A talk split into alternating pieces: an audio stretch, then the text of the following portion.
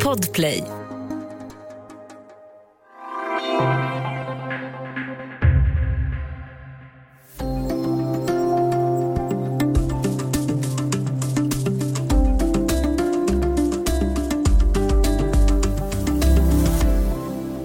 Den friande domen för Kyle Rittenhouse som åtalas för att ha dödat två personer och skadat en i samband med de våldsamma protesterna i Kenosha, Wisconsin förra sommaren har lett till en ny debatt om lagar om självförsvar och om medborgargarden. Välkommen till Studio DN. Jag heter Sanna Thorén Björling.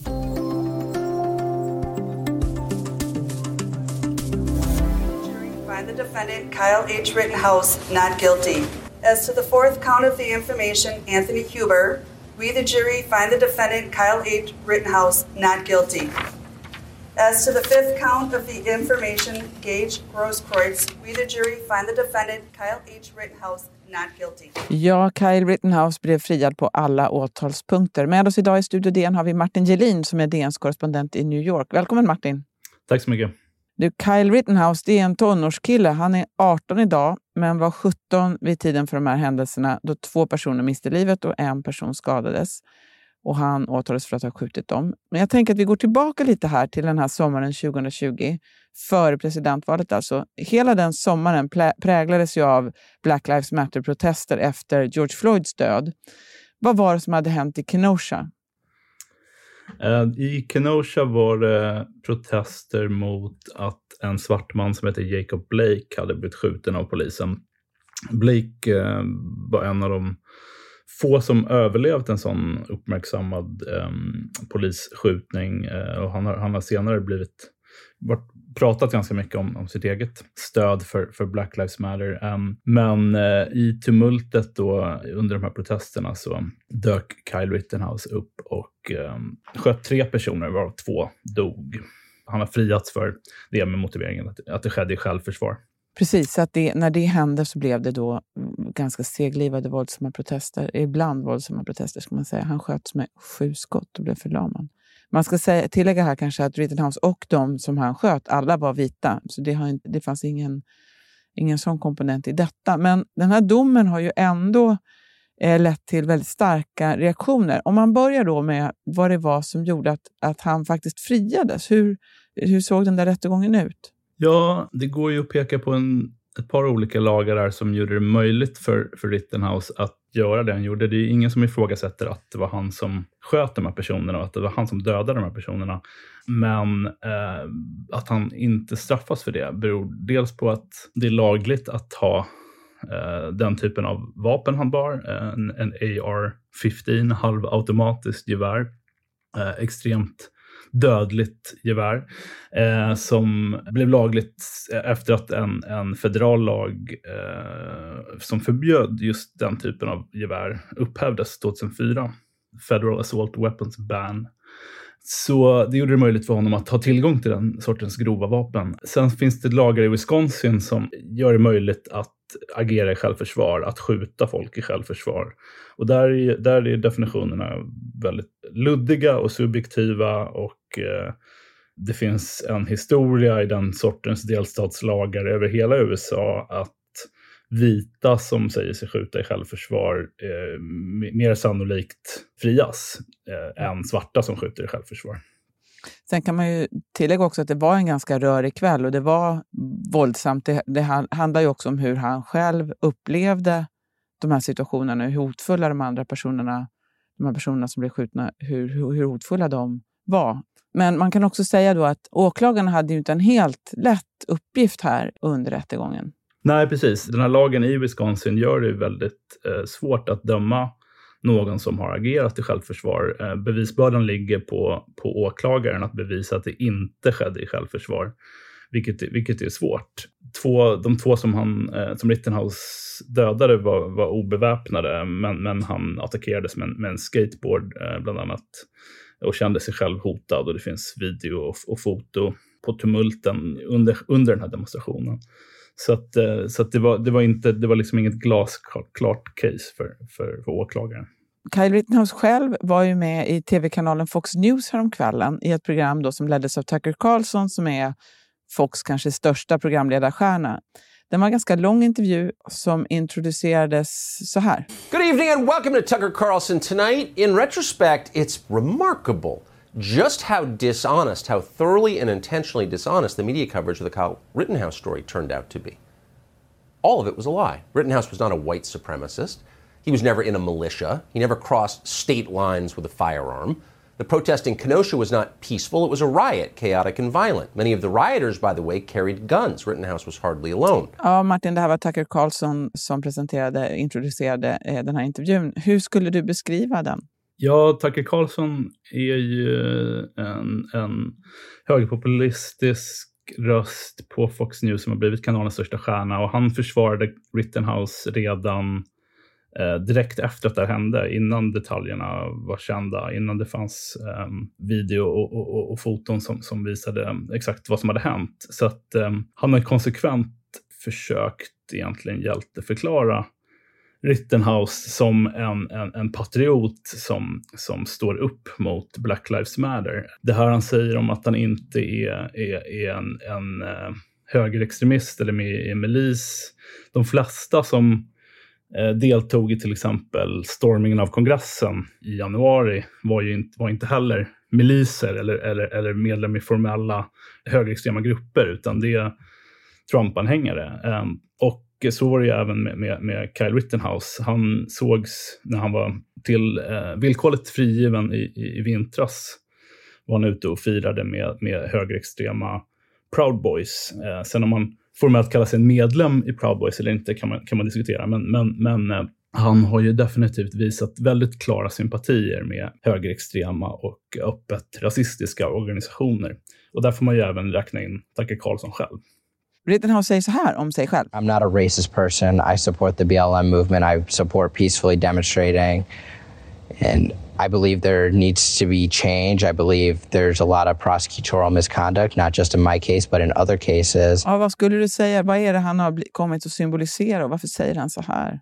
Han symboliserar ju en backlash mot Black Lives Matter-rörelsen. Han, han eh, gör ju just nu en, en slags liksom, PR-kampanj runt om i landet där den här intervjun var, var kärnan, eh, där han försöker framställa sig som en mjukare person. Men det, det är ju ja, det är ganska tydligt att han eh, motiverades av ett motstånd till Black Lives Matter. Eh, och vi har ju sett under året hur, hur eh, det har liksom uppstått en väldigt klar backlash mot eh, de här protesterna som, som blev så otroligt stora förra, förra sommaren. Black Lives Matter har ju pågått i, i, som, som, som en rörelse här i åtta år, sju, åtta år. Men förra sommaren så var det nästan 30 miljoner amerikaner som deltog i, i demonstrationer mot rasism och mot polisvåld.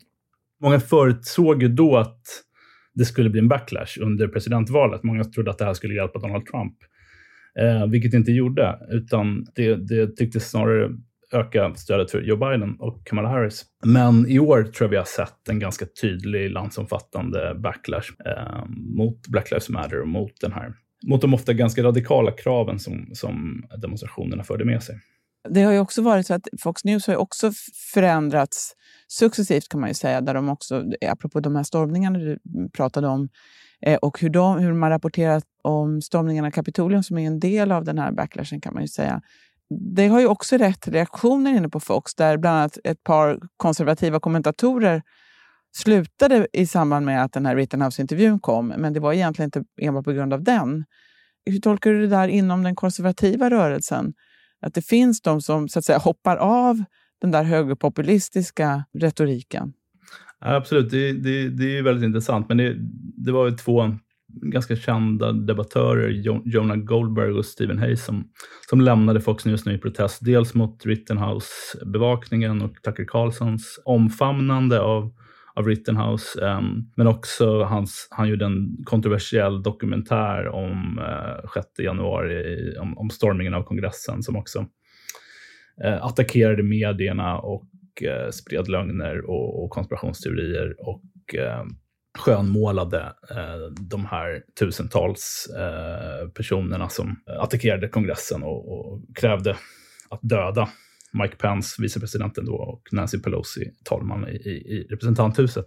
Så den, den, typen av extremism blir ju för mycket för många av de här traditionella konservativa rösterna. Eh, och det, och det, ser man ju, det ser man ju, har man sett med jämna mellanrum sedan Trump tog över liksom, amerikanska högern, att eh, en efter en så hoppar mer moderata röster av Republikanska partiet eller, eller Fox News i det här fallet, eh, liksom de, de traditionella konservativa institutionerna i protest mot det. Problemet med den dynamiken är ju att de enda som blir, blir kvar då är, är de som är mest lojala mot Trump och mest lojala mot högerradikala idéer. Vi ska ta en liten paus och sen ska vi tala mer om vilken betydelse domen mot Rittenhouse får.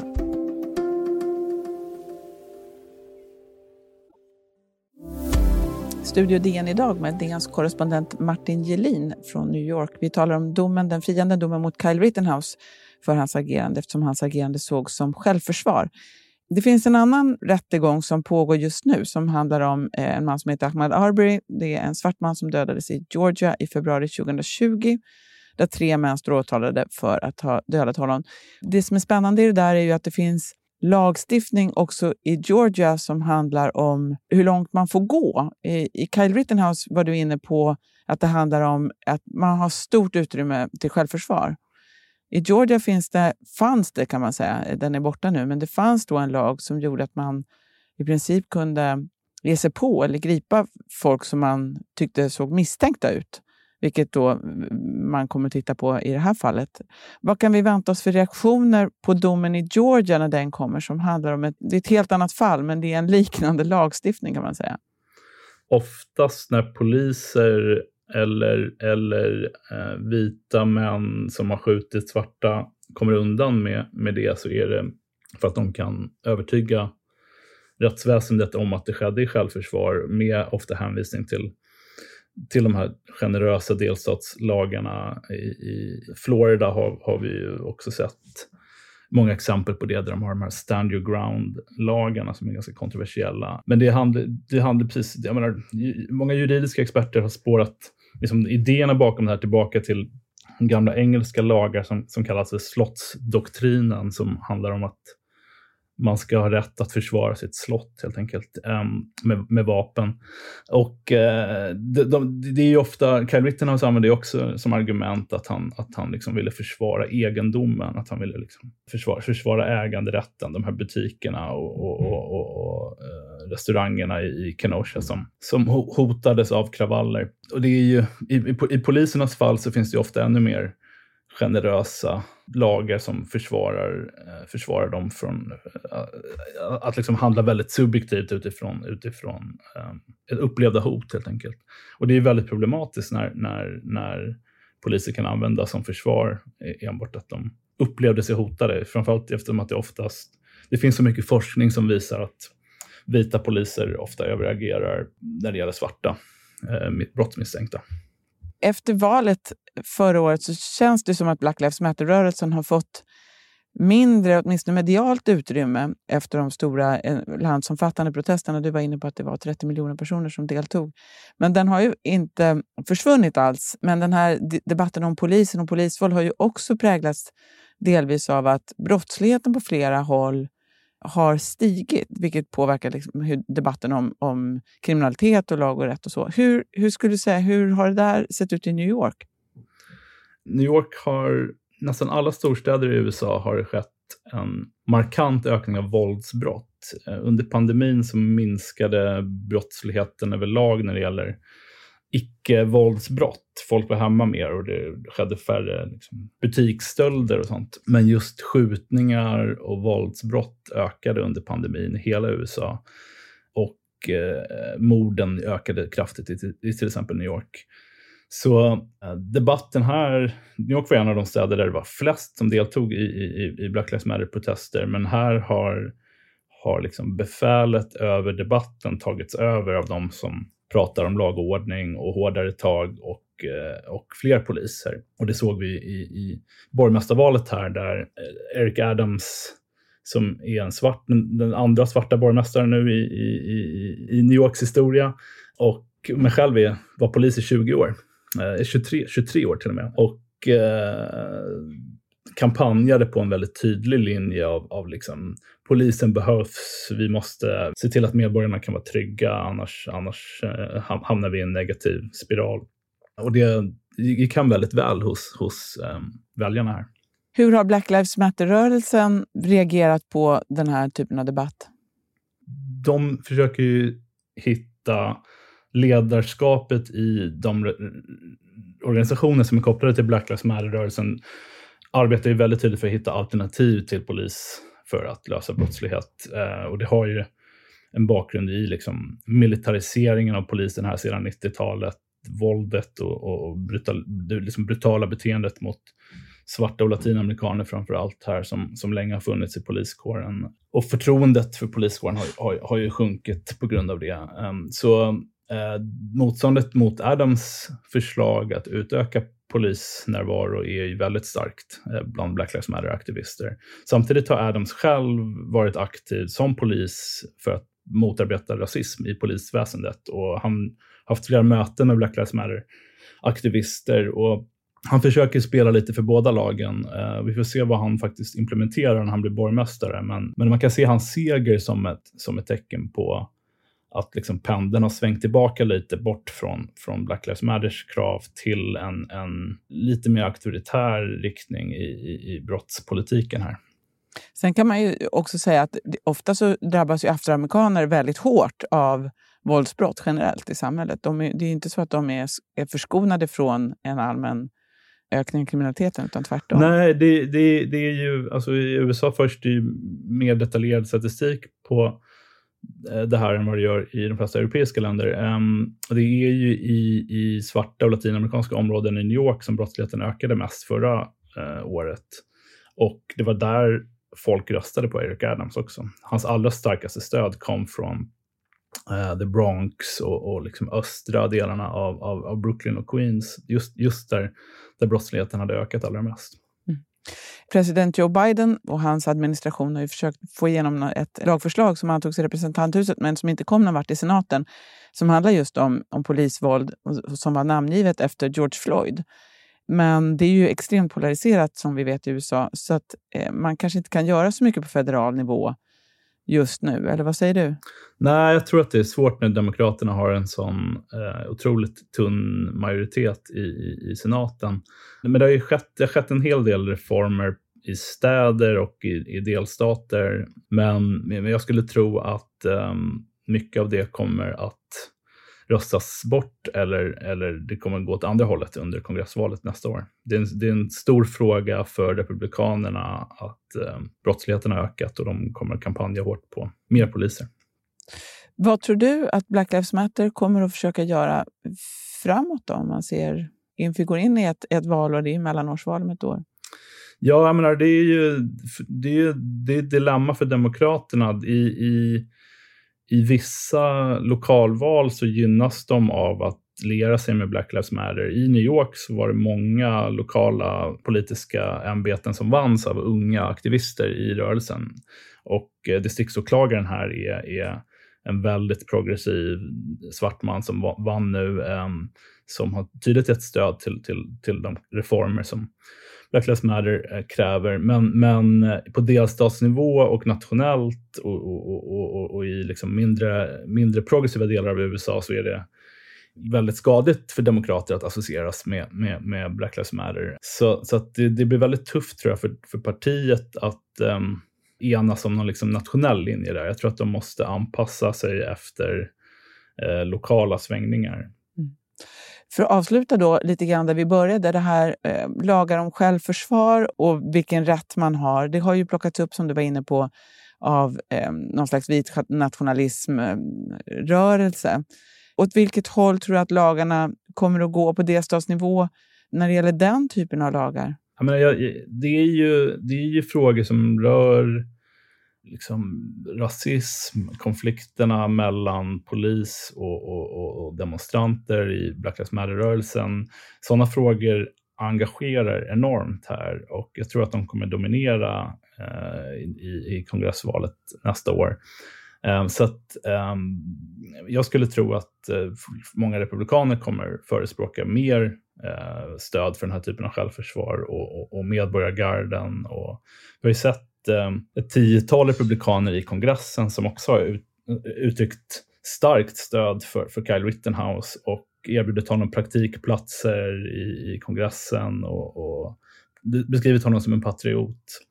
Så jag tror vi, jag tror vi kommer se en, att liksom, den högerradikala falangen av republikanerna lierar sig med medborgargarden och miliser och de som eh, beväpnade högerextrema som utger sig för att agera i självförsvar. Det, det de ser som självförsvar mot en liksom, vänsterliberal attack på USA. Stort tack för att du var med idag, Martin Gelin. Tack. Om du vill kontakta oss så går det bra att mejla till studiodn Kom ihåg att prenumerera på Studio DN där du lyssnar på poddar så missar du inga avsnitt. Studio DN görs för Podplay av producent Sabina Marmelaka, ljudtekniker Patrik Miesenberger och teknik Jonas Lindskog Bauer Media. Jag heter Sanna Thorén Björling.